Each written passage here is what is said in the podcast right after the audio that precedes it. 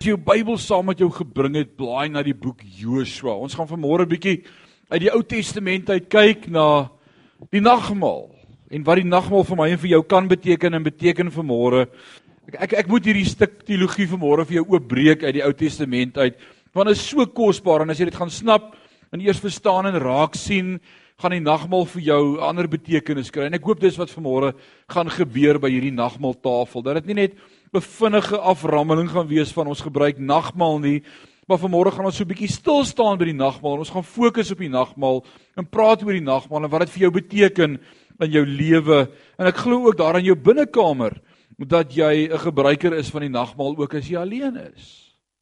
Ek hoop jy dink dis net vir wanneer ons almal saam een keer 'n maand hier by die kerk nagmaal gebruik nie, want dan lose jy uit.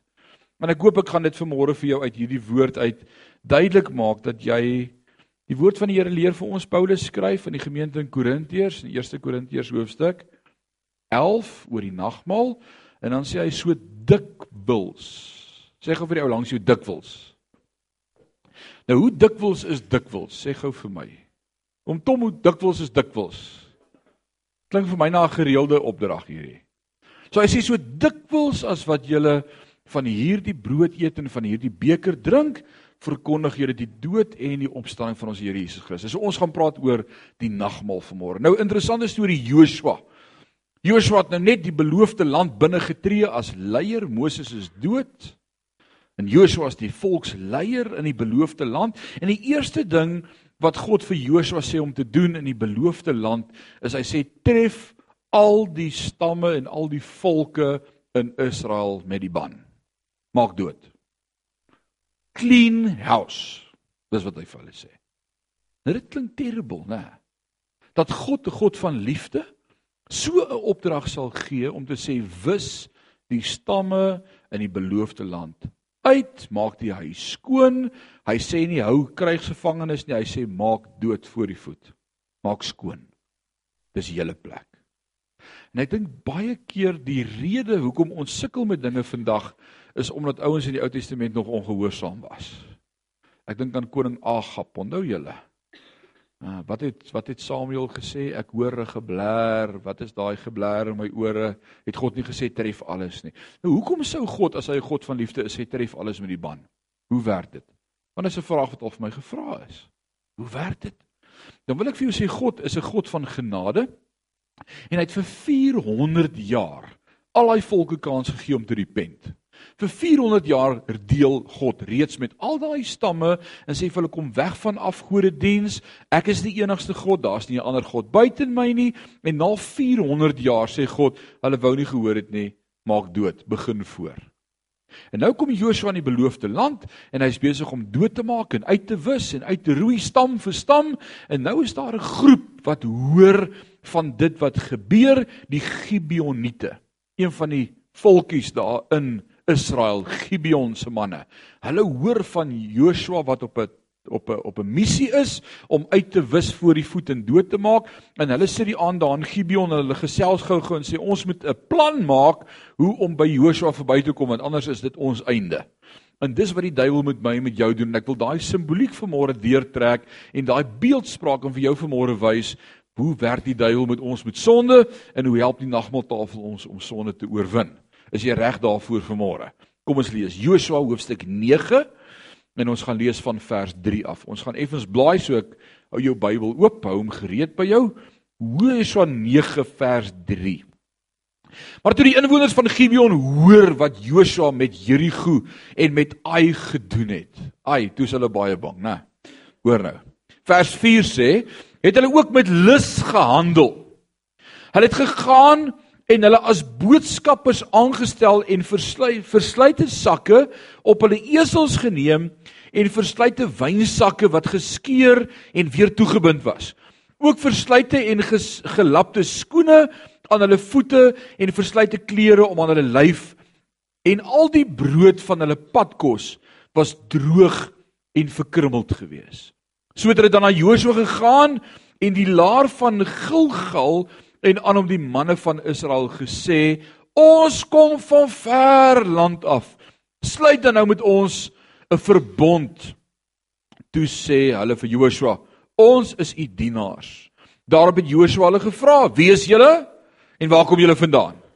Vers 9 sê en hulle sê vir hom: "U dienaars kom van 'n baie, baie, baie ver land af.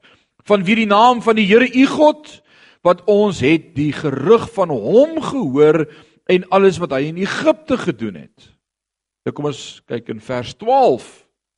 En nou sê hulle wat het hulle? Hulle sê ons brood hier warm het ons dit as padkos uit ons huise geneem die dag toe ons uitgetrek het om na hulle toe te gaan, maar kyk, nou het dit droog en verkrummeld geword. Dit is nou al beskuit. Vers 13. En die wynsakke hier wat ons het was nuus en volgemaak geweest, maar kyk, dit is geskeur en ons klere hier en ons skoene, kyk hoe verslyt is hulle van die baie lang reis. Toe neem die manne van hulle padkos, maar die mond van die Here het hulle nie geraadpleeg nie.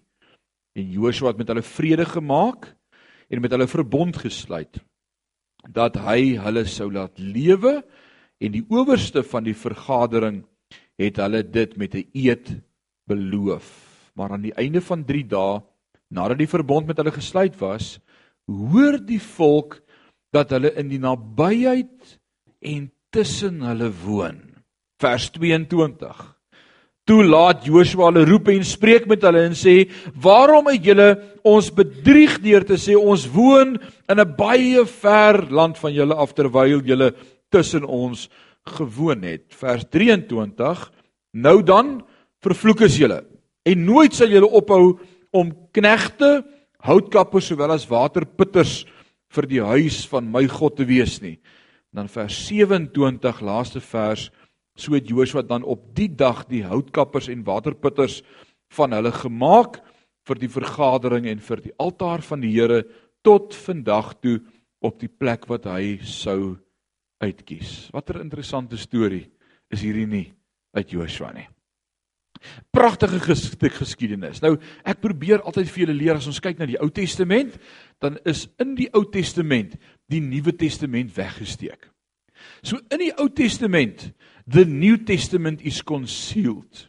And in the New Testament, the Old Testament is revealed. So ons moet vanmôre kyk na hierdie stuk en sê hoe kan ons teologie daaruit haal in my en jou lewe vir ons pad om te verstaan wat God besig is om met ons te doen.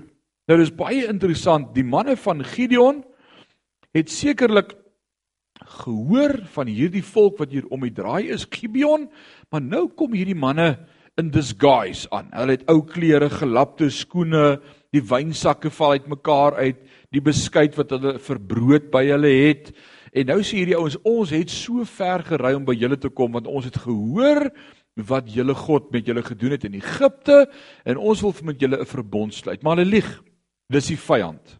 En ek wil sê dis hoe die vyand met my en met jou werk. Hy kom nie as die duiwel na jou toe met sy vurk in die hand met soos die kinderbybel hom teken nie, né? Hy kom na my en met jou toe pragtig gekleed. Die woord sê as 'n engel van die lig.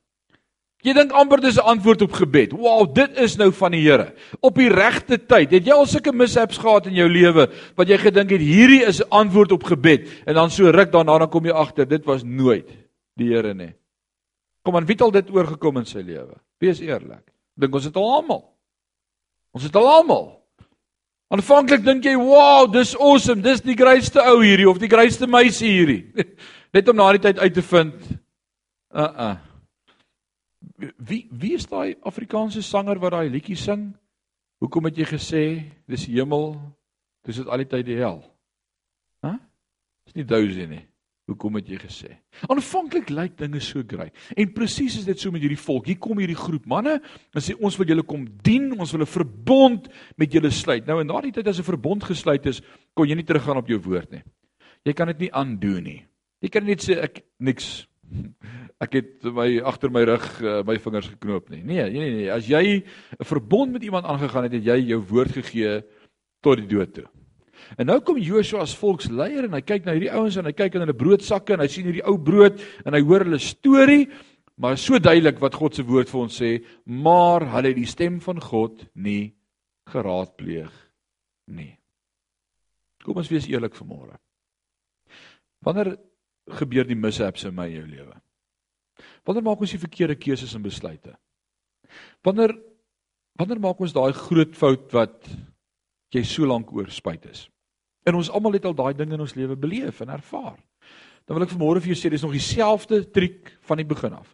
Dis wanneer ons impulsief en oorhaastig besluit sonder om met God daaroor te praat. Kom aan, wie kan sê amen? Jy het dit al beleef? Sommige net daai gevoel gehad van ek voel dis so awesome en ek voel lekker en ek voel goed daaroor en ek voel positief daaroor en dit voel great. En dit kan net van die Here wees want die Here is 'n goeie God en hierdie goeie dinge kom van hom af. Net om na die tyd uit te vind dit was toe nie van die Here nie. Ek weet van gemeentelede met wie ek op pad gestap het en hulle het so 3, 4 jaar gelede daar mense by 'n landhuis gekom twee manspersone met kinders. Heel awkward situation. En en hierdie mans was altyd profete gewees en en hulle het voor geprofeteer oor die seën van die Here wat oor hierdie familie gaan uitkom en hulle het elke aand huisgodsdiens gehou en hierdie mense het naderhand hierdie twee ouens met die kinders in hulle huise ingeneem en vir hulle blyplek gegee en net vertel van al die miljoene wat van Amerika af na hulle kant toe gaan kom en hoe great dit met hulle gaan gaan en, en wat se besighede gaan hê en daar was tot 'n shopping list van wie watter kar gaan koop en elkeen moes 'n huis kry daar was geloof gewees en dan luister ek hierdie goed van buite af en dan dink ek, "O oh man. Kom staan net bietjie hier waar ek staan." My pa het my geleer as dit te goed is om waar te wees, dan is dit te goed. Weet jy wat? Hulle hulle hulle was so seker daarvan. En hulle sorg vir hierdie mense maandeliks en hulle betaal hulle hulle hulle verband op hulle kar en en hulle gee alles wat hulle het deel nog met die gesin en hulle slaap vier in 'n kamer om die te kan akkommodeer want dit 'n tydelike probleempie maar as dit verby is, pappa, dan gaan dit goud reën. Want dit hou toe 'n jaar aan. En hoe meer ek vir hulle probeer sê, ouens, is, is julle seker? Julle die Here gehoor, dan sit soos my, jy verstaan nie. Ons ons hoor die Here. Jy, jy's negatief. Mense al dit vir jou gesê? Of het jy al vir ouens gesê, luister, ek luister nie. Nee, ek gaan nie my ek gaan nie luister nie. Ek weet wat die Here gesê het. Los my net uit. Jy's te bang iemand baas jou babbel. Net om 'n jaar later uit te vind, hierdie ouens psigopate. Travel, hulle het 'n history. Dis in elke dorp waar dit so gaan. Dis 'n lieg storie. En dan die groot hartseer en dan die verwyd en dan die gesprek met God. Here, waar was U gewees hierdie hele tyd? En dit gaan my verstand te bowe. Want nou wil ons vir God die skuld gee omdat hy dit toegelaat het. En dan dink ek, ou oh man, as jy dan maar net van die begin af met hom gepraat het, dis net soos met Joshua. Ons het God nie geraadpleeg nie. En dan wil ek jou help daarvoor. Ek wil jou help om nie hierdie mistakes in jou lewe te maak nie, om nie net besluite te maak en te dink dis oukei okay nie, maar om God se stem te raadpleeg. Ouens, dis so belangrik dat ons sal hoor wat sê God. Wow. Nou kyk wat sê Joshua 9 vers 4 as jy nog die Bybel daar het ek lees dit vir jou. Hy sê hulle het met lus gehandel. Hierdie manne van Gibeon toe hulle sit en gesels daai aand om die vuur en 'n plan maak van hoe hulle vir Joshua vir 'n raid gaan vat, toe sê die woord hulle het met lus gehandel. Nou, hoe weet ek wat beteken daardie woord met lus gehandel? Ek wil jou help bietjie teologies uit die Nuwe Testament uit om dit te verstaan. Efesiërs 6 vers 13 sê vir my daarom neem die volle wapenrusting van God op sodat jy weerstand kan bied teen die liste van Satan. En ek wil vir julle sê die duiwel is lus. Wat beteken daai woordjie liste? Hoe kan ons dit verstaan? Dit beteken daai die Griekse woordjie is die woordjie metaida wat beteken metodus of metodiek. Met ander woorde, die duiwel het 'n plan. Die vyand het 'n plan. Hy's nie net lus nie. Hy het 'n detail bereken hoe gaan hy jou val veroorsaak. As jy moet terugkyk na insidente in jou lewe wat die duiwel vir jou trap gestel het, dan sal jy sien hy het in detail beplan, stap vir stap hoe jy gaan verwoes. En ek en jy was in die slaap. Dan wil ons vir God na die tyd vra, waar was u gewees? Ek wil vir sê hy was die hele tyd daar. En as ons wil eerlik wees vanmôre moet ons sê ons het nie met God gepraat nie. Ons het aangeneem dis die Here. En dis 'n groot gevaar. Ek dink dis een van die grootste gevare in 'n kind van God se lewe is om aan te neem. Kan julle onthou toe Jesus uh toe sy, hy saam met sy maale na Jerusalem was om te gaan offer en sy maale is op pad terug Maria en Josef en die familie en die vergadering. Hoe hoeveel dae het hulle gereis voordat hulle agtergekom het Jesus is nie by hulle nie? Hæ? Huh? Eers ek het 12, ek het 7, ek het 3, het ek iets anders, het ek 'n 5. Wat het ek op die galery? 7. 3 dae. 3 dae ver reis hulle. Vir 3 aande gaan slaap Josef en Maria. Waar's Jesus? Het jy hom nagesê? Nee man, moenie worry nie, hy is by een van sy neefies. Laat ons net rus kry vir 'n slag. Kyk, Jesus was 'n kind. Normaal, dalk veel huisend. Dalk het hy hulle moeg gemaak met die wet of of of met die Bybel of gesê kom ons moet eers bid en Bybel lees, maar as jy asseblief net slaap vanaand. En vir 3 dae reis hulle. En na die 3de dag sê Maria, luister Josef, hier's fout. Hier's fout. Ek weet hier's fout. 'n Ma weet as daar fout is met haar kind. Maar hoekom eers op die 3de dag? Waar was hy die ander 3 dae? En dan begin sy soek en dan stap sy na agter en hierdie hele vergadering roep hulle en soek hulle en en, en waar's Jesus? In Jerusalem. In die tempel besig om die groot manne en die ou manne uit die Bybel uit te leer. Baie keer neem ons aan. En ek wil sê aanneem is een van die grootste assumption. Is een van die grootste foute in ons lewe. Ek wil nie vir sê wat die nuutste Engelse spreekwoord wat ek gehoor het vir assumption nie. Alraai, jy kom my WhatsApp as ek dit stuur. Dis die kanseltaal nie. Maar om aan te neem is 'n groot probleem in ons lewe. En, en Josef neem aan, nee, hierdie ouens praat die waarheid. Hy kyk na hulle brood, kyk na hulle skoene, kyk na hulle klere en en hulle sê nee, dit lyk dit lyk asof dit so is. Nou hierdie woordjie eh, liste beteken hy het 'n metodiek of 'n plan bereken. En dit sien ons duidelik die plan. Kom ons kyk na brood, ou brood. En kom ons kyk na ou wynsakke en dan gaan hulle ons glo. Ou brood, ou wyn. Vers 14 van Joshua 9 sê: "Toe neem die manne vir hulle padkos, maar die mond van die Here het hulle nie geraadpleeg nie." En dit was die fout gewees. Hulle word voorgelieg. Joshua se leiers word mislei en dan wil ek vra waarom? Hoe werk dit? Die duiwel kom ook na my met jou toe. Dalk met 'n vriend of 'n vriendin, dalk met 'n besigheidstransaksie, dalk met 'n werksgeleentheid. Dalk verwag dit van jou dat jy solank jou werk bedank en en jouself regkry want hierdie ding gaan kom en as dit kom moet jy reg wees. So bedank solank jy werk. Het jy al so iets gehoor? Mense kom praat met my langs die pad, ouens. Ek is 20 jaar in die bediening. Ek het al goed gehoor. As ek het my werk bedank, alles reg gehad, my rekening oop gehad, alles net gewag vir daai oproep en ek wag vandag nog. Die duiwel smile. Het jy so hou gegee en so 'n bietjie teruggesit in die lewe en dan wonder jy, nou wat, wat wat nou? Ek was dan so gereed daarvoor. Wat het gebeur? Sê vir jou man, moenie worry nie. Of 'n paar pelle wat vir jou sê kom kuier by ons vanaand en ons kuier lekker saam en uh, wat van ietsie om te drink? As jy nee jong, ek ek ek drink nie. As dit nie 'n man is, dis sonde nie. Net so enetjie die Bybel sê. Timoteus skryf dan of of Paulus skryf vir Timoteus en hy sê moenie water alleen drink nie, drink 'n bietjie wyn ook. Dit is goed vir jou gesondheid. Kom, hier's vir jou 'n glasie man. Kom nou, jy's nie so droog nie. Kind van die Here is nie so droog nie. En ons regverdig baie goed in ons lewe.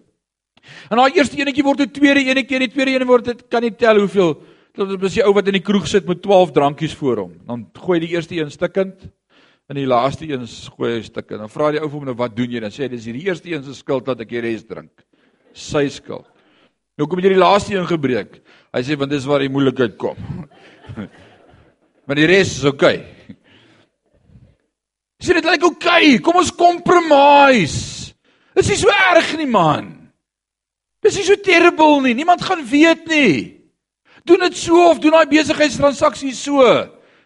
Dis nou weer tyd vandag dat die ontvanger wil weet wat in jou lewe gebeur het hierdie afgelope jaar. Moenie vir hom van dit sê nie. Dis nie nodig om daai te wys nie. Moenie dit so stel nie. Jy kan dit anders stel dan klink dit beter. Ek wil vir jou vanmôre sê as kind van God, moet ek en jy reguit en 'n eerbare pad loop. Daar's net een manier hoe ons wandel en ons wandel in die lig. Want ons is verteenwoordigers en ambassadeurs van God. Daar's een manier om besigheid te doen, ouens. En ek moet dit vir jou sê vanmôre. Joshua ondersoek nie hierdie saak nie. Hy praat nie met God daaroor nie. En dis hoe die duiwel ook na my en met jou toe kom. Die duiwel stuur ook sy ambassadeurs uit wat ons vriende wil wees en met ons eh, en weet jy wat? Die duiwel sê vir jou oukei, okay, man. Dis nie 'n jemeer nie. Moet dit nie so verskriklike naam gee nie. Ons het uierse bloed. Dis maar hoe ons is. En dan sê jy ja nee, dis maar hoe ek is. Ek het nie meer probleem nie. Ons is ure. Ons praat net hard. Uh daar's baie maniere hoe ons mekaar sis en sê dis oukei. Okay. Nee man, mamma het nie 'n drankprobleem nie. Sy raak net rustig na 3 glasies wyn elke aand. Dis nie fout nie. Dis maar hoe mamma is. Ek dink ons moet begin sê wat dit is. Dis 'n houvas wat die duiwel op my en jou kry. En dis 'n oop deur wat hy inkom en dit gebeur ook in ons lewe. Of as jy vir pappa sê man, moenie worry oor pappa nie. Hy is maar in daai moeilike tyd. Hy's nou oor 40. Mans gaan daardeur. Dis normaal. Sê wie? Stay dat ons met God meer begin praat. Sien, dis wat moet gebeur in ons lewe. En net so die ou brood dit beteken net dat ek en jy nie tyd maak in ons lewe vir die nuwe brood en die nuwe wyn nie. En ek het hieroor gaan wonder en gewonder, Here nou, hoe gebruik ons die nagmaal om hierdie goed in ons lewe te keer? Hoe gebruik ek en jy vanmôre die nagmaalstafel op 'n gereelde basis in ons ou lewe in ons lewe? En toe sê die Here van die volgende, dis wanneer ek en jy die nagmaal los dat dit ou brood en ou wyn word in ons lewe. Wanneer ons nie met God praat oor elke dag nie. Hoe verstaan ons dit? Jy sien as ek tyd maak vir God in my lewe, as ek elke oggend voor die son opkom of as ek stil word, my broodjie en my druiwesap vat en eenkant gaan in die huis en die deur toetrek en alleen is en sê Here, ek het nodig om vandag met U te praat voor ek hierdie dag begin. oor die brood en die wyn. Here, ek het 'n besigheidstransaksie om oor te besluit. En ek het nodig om te weet wat U sê. Ek wil nie die verkeerde besluit neem nie. Here, U het vir my gesterf aan die kruis sodat ek die volheid en die seën van God kan beleef en ervaar. Ek het nodig om te weet wat U sê. Dan praat God met my en met jou. Maar wanneer ons die nagmaal neglect, afskeep, eenkant los, dan kom daar probleme in ons lewe. Dis wanneer ons nie by die nagmaaltafel kom en met sonde deel nie waar daar probleme kom in ons lewe. So kom ons trek dit deur en ek wil vandag vir jou vat na die Nuwe Testament toe. Ek wil jou wys wat in die Nuwe Testament ook vir ons reflekteer vanuit die Ou Testament. Want wat gebeur wanneer ons hierdie brood en hierdie beker vandag vat? Dis die vlees van Jesus Christus en sy bloed vir my en vir jou. En weet jy wat sonde skei ons van God se teenwoordigheid. En sonde maak dat ek en jy wil wegduins van die nagmaaltafel af. Wat het gebeur met Adam en Eva in die tuin? Daardie aand kom God nog steeds getrou, alle bewus, weet van hulle sonde en hy het nog steeds in die aand windjie gekom om met hulle te wandel en waar was Adam en Eva? Spoorloos verdwyn, hulle kruip weg. En Adam het hierdie fout probeer fix deur vir hulle klere te maak van druksvyeblaar. Nee, vyeblaar. Ek kyk net of julle wakker is. Dit raak so stil in die kerk. Alraai, jy kan die humor daarin sien as dit sou gebeur het. Vyeblare. Groot vyeblare. Alraai. Hulle kruip weg vir God. Wat doen sonde in my en jou lewe? Skryp weg vir God. Hoe dis nagmaal vanmôre. Ek dink ons moet 'n bietjie laat slaap. Hoe dis nagmaal vandag. Kom ons gaan bietjie. Ons was so lank laas by oom Koos hulle gewees in Sekunda. Kom ons ry bietjie die naweek. Jy wat? Nou moet ons leer wat skryf die woord van die Here vir ons in die Nuwe Testament as Paulus met ons praat in 1 Korintiërs 11 en hy sê dis omdat julle hierdie tafel van God minag dat daar soveel onder julle is wat siek is en seker is wat al gesterf het omdat julle nie die liggaam onderskei nie. Wat beteken dit? As ons net die liggaam onderskei nie. Met ander woorde, ons besef nie die krag van die tafel nie. Ons minag dit. Ons maak nie tyd en plek daarvoor in ons lewe nie. En as ons dit gebruik dan is dit net soos eet en sluk na gat ons. Daar's kerke in Amerika en ek het dit al vir julle genoem waar jy nagmaal by die drive-thru om kerk kan kry. On the go. Daar's bidkamers drive-thru. As jy nou nie tyd het vir môre vir 'n full service nie, dan ry jy net teen die kerk om. Hier agter is daar iemand in 'n hokkie en dan al wat hy doen is hy spat vir jou en sê daar gaan jy jy's gebless en dan ry jy verder. On the go. Ek wonder hoe sal 'n drive-thru kerk in Parys werk? Ons minag die tafel van die Here Jesus Christus. Daar's mega gemeentes en ek, ek verstaan ek ek kan nie dink aan 'n mega gemeente se opset hoe moeilik dit moet wees om almal by die nagmaal uit te kom, maar daar's iets daarin van nagmaal wat belangrik is. Jesus leer ons hoe in die boefretrek met 12 mense, klein groepie. En dan weet ek daar's mega gemeentes in Amerika waar as jy by die deur uitstap agter na diens, dan kry jy so Dit lyk soos daai melktjies wat jy in die hotelkamers kry as jy by Sun Southern Sun gaan inboek. So 'n klein plastiese dingetjie met so folie proppie en as jy hom so aftrek, dan lê daar 'n broodjie en dan eet jy hom en as jy die tweede een aftrek, dan is daar 'n bietjie druiwesap. Dan sommer so on the go, dan is daar asblik en gooi almal goed daar buite. Nagmaal on the go. Nou vir sê dis nie om tyd te maak met God, nê? Vanmôre gaan ons 'n bietjie tyd maak met God. En dis wanneer ons by die tafel kom en met God praat oor die dinge in ons lewe wat hy met ons wil praat. En daarom hoop ek jy het vanmôre na hierdie gemeente gekom met 'n verwagting dat God vir jou iets gaan sê. Ek hoop jy kom net kerk toe uit tradisie nie. Ek ek hoop jy het gekom om iets te hoor, om te hoor hoe God met jou praat. En vanmôre wil hy vir my en vir jou sê, dis wanneer ons nie tyd maak vir die vars brood en die vars wyn nie, wat die mishaps in ons lewe gebeur.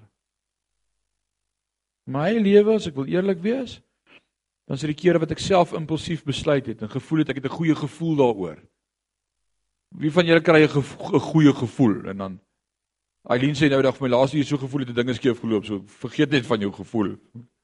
Hæ? Daai gevoel wat jy kry. Daai gevoel wat jy kry om te sê nee, ek het die, ek het die ek voel die lotto nommers is. Broer, hoeveel rand het jy al verloor in die lotto die afgelope tyd in jou lewe? Regtig? Gevoel praat met God. Praat met God daaroor.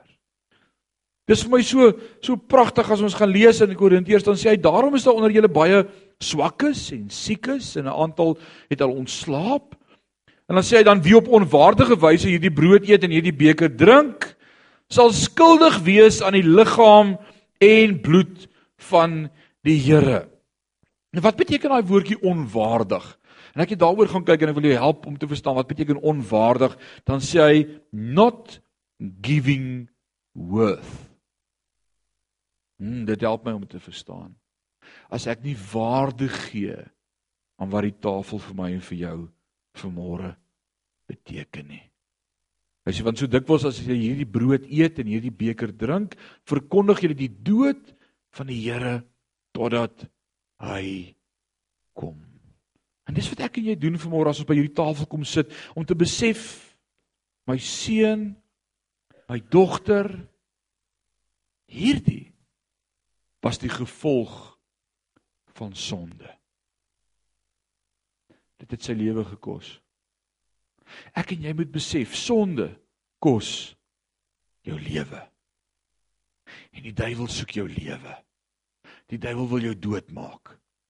Die duiwel het planne vir jou om te verwoes en te steel en te slag. Johannes 10 vers 10 sê die, die die dief kom om te steel, slag en verwoes. Dis sy hart vir jou, maar wat is God se plan vir jou lewe? Maar ek het gekom sodat julle lewe en lewe in oorvloed sal hê. Dis God se hart vir jou. Sê vir jou langs jou lewe en lewe in oorvloed. Sê vir. Lewe en lewe in oorvloed. Dis God se hart en se droom vir jou. Die duiwel wil jou dood hê. Hy wil jou uit die pad hê. Hy wil jou siek hê. Hy wil jou kranksinnig hê. Hy wil hê jy moet dink jy's van jou trollie af. Dis wat hy wil hê. Maar God sê lewe en lewe in oorvloed. So as ons by hierdie tafel sit, wat beteken lewe en lewe in oorvloed? Wanneer ek en jy by die tafel kom sit, besef ons ons kan nie met die Gibeoniete 'n verbond sluit nie.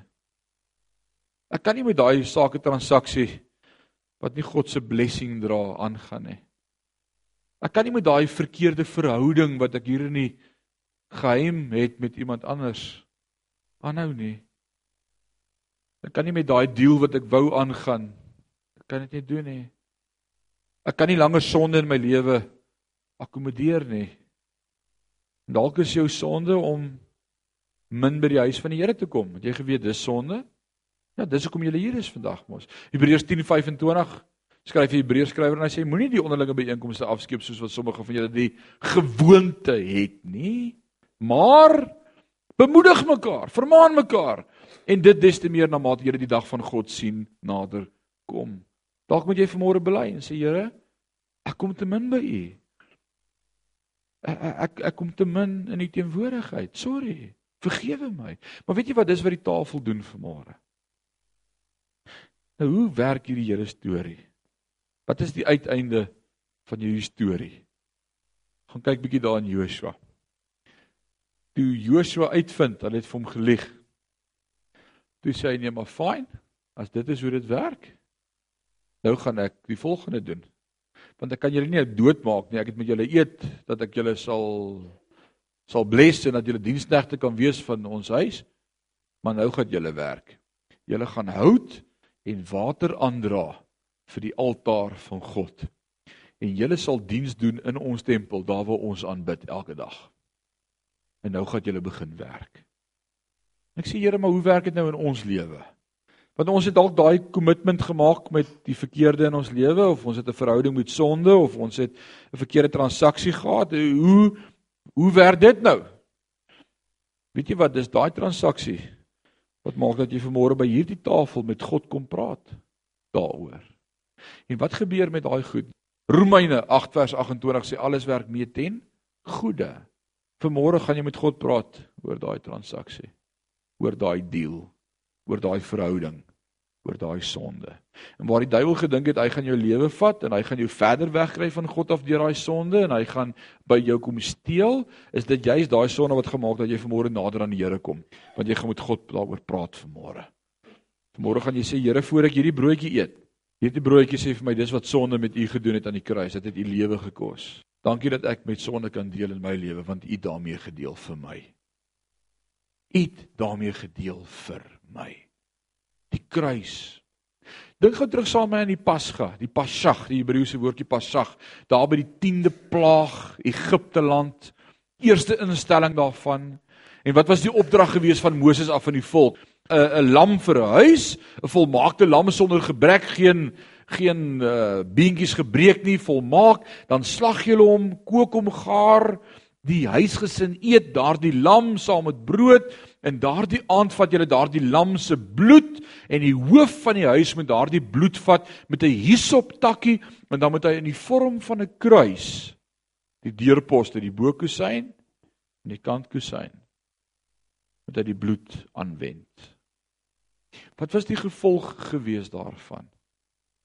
Gaan lees bietjie daar in die woord van die Here. As hy sê daardie aand, nê, nou, toe hulle uittrek in Psalm 105 vers 37 vertel dit vir my.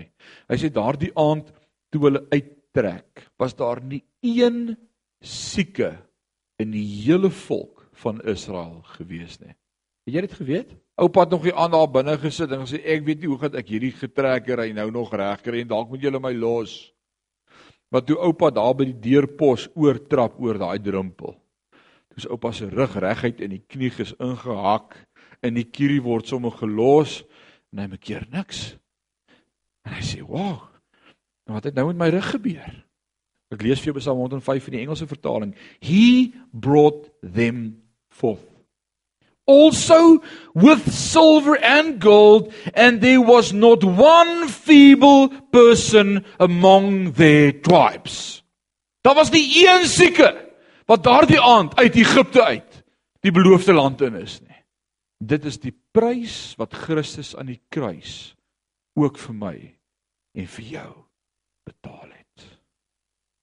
Genesing. Genesing. Maar wat gebeur ons begin die leuen glo van die duiwel in ons lewe? Ons begin plek maak vir die leuen in ons lewe. Ag dit moet maar so wees. Dit is maar so. 'n Man se hare val maar uit na 50, dis normaal. Weet jy wat? Ons het 'n ander verhouding met God en met sy woord. Hy's lewendig vir ons. Dis 'n werklikheid. Ek wil sê Sion gemeente gee waarde aan die liggaam van Christus. Kom ons gaan vanmôre aan hierdie tafel sit. En ons gaan vanmôre nie haastig wees nie. Ons gaan net so 'n oomblik vat. Jy gaan daai broodjie vat en dan gaan jy jou kelkie kry en dan gaan ons eers bietjie met God praat vanmôre. Gaan eers met hom praat vanmôre. Gaan eers bietjie met die Here praat vanmôre. Ons gaan nie haastig wees nie. Net vanmôre vir hom sê ek gaan vanmôre nie haastig wees nie. Met God praat vanmôre en sê Vader, daardie ding in my lewe wat U wil wegtrek van U af. Ek wil vanmôre met U daaroor kom praat. Vanmôre kom bely dat U vir ons die prys betaal het aan die kruis. Dat U vir ons lewe in oorvloed beplan het. Maar hierdie goed wat die duiwel vir ons uitgooi elke dag in ons lewe, wil ons verwoes. Wil kom steel van u plan. Wil ek vanmôre bid Vader, dankie vir oorwinning. Dankie vir genesing. Dankie vir vrymaking. Dankie dat u vanmôre die nagmaaltafel gebruik juis om ons nader te trek dat ons met u daaroor kom praat. Ons wil vanmôre vra vergewe ons ons sonde. Vergewe ons dat ons sonde akkommodeer in ons lewe en help ons om daarmee te deel en om klaar te kry daarmee. Sodat ons in die volheid en in die oorwinning en in die krag van God sal wandel. Ons loof U vir U tafel. Jesus naam. Amen. Ook die beker vanmôre, die bloed van Jesus Christus. Woord sê dis die beker van die Nuwe Testament. Mooi goeie nuwe verbond beter verbond. Wat vanmôre sê daar's lewe. Daar's lewe in Christus. Daar's 'n nuwe begin. Daar's 'n voorbegin. Wie's bly daaroor vanmôre? Daar's 'n voorbegin. Dis die remedy. Dis die remedy vanmôre is die tafel, die bloed van Jesus Christus. As iemand 'n kankerleier was, Ja, ons het in die week 'n vriend van Rustenburg wat vir ons 'n boodskap gestuur het en gesê het na 5 jaar van remissie is hy nou van die kankerlys af verwyder. Hy skoon. Hy's nou nie meer 'n kankerleier nie. Dit is ek aan daardie remedy. Ek wil vir jou sê hierdie is ons remedy vir môre. Hierdie verwyder daai letsels van sonde. En dit sê dis 'n voorbegin in Christus. Daarom celebrate ons hierdie nagmaal vanmôre. Dis nie sad nie, dis nie huil nie, dis 'n dank God, daar's 'n nuwe begin. Dank God, my verlede is uitgewis. Dank God, daar's oorwinning. Dank God, daar's genesing. Dank God vir die kruis, vir die beker, vir die bloed. Ons loof U daarvoor. Amen. Ek wil dit vanmôre uitspreek as 'n seën oor jou. Surely goodness, surely mercy. Right beside you all your days. May you dwell in the house of the Lord forever. May you have his peace, his presence Loof